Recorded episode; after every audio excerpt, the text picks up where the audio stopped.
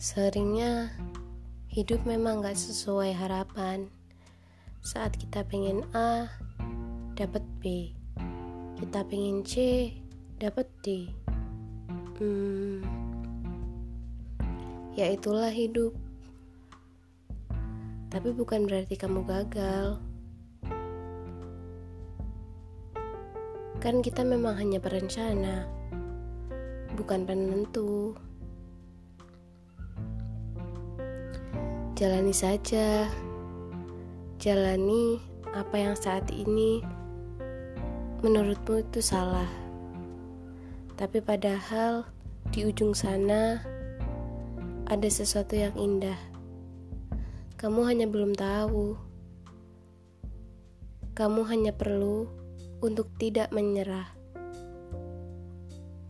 Setuju?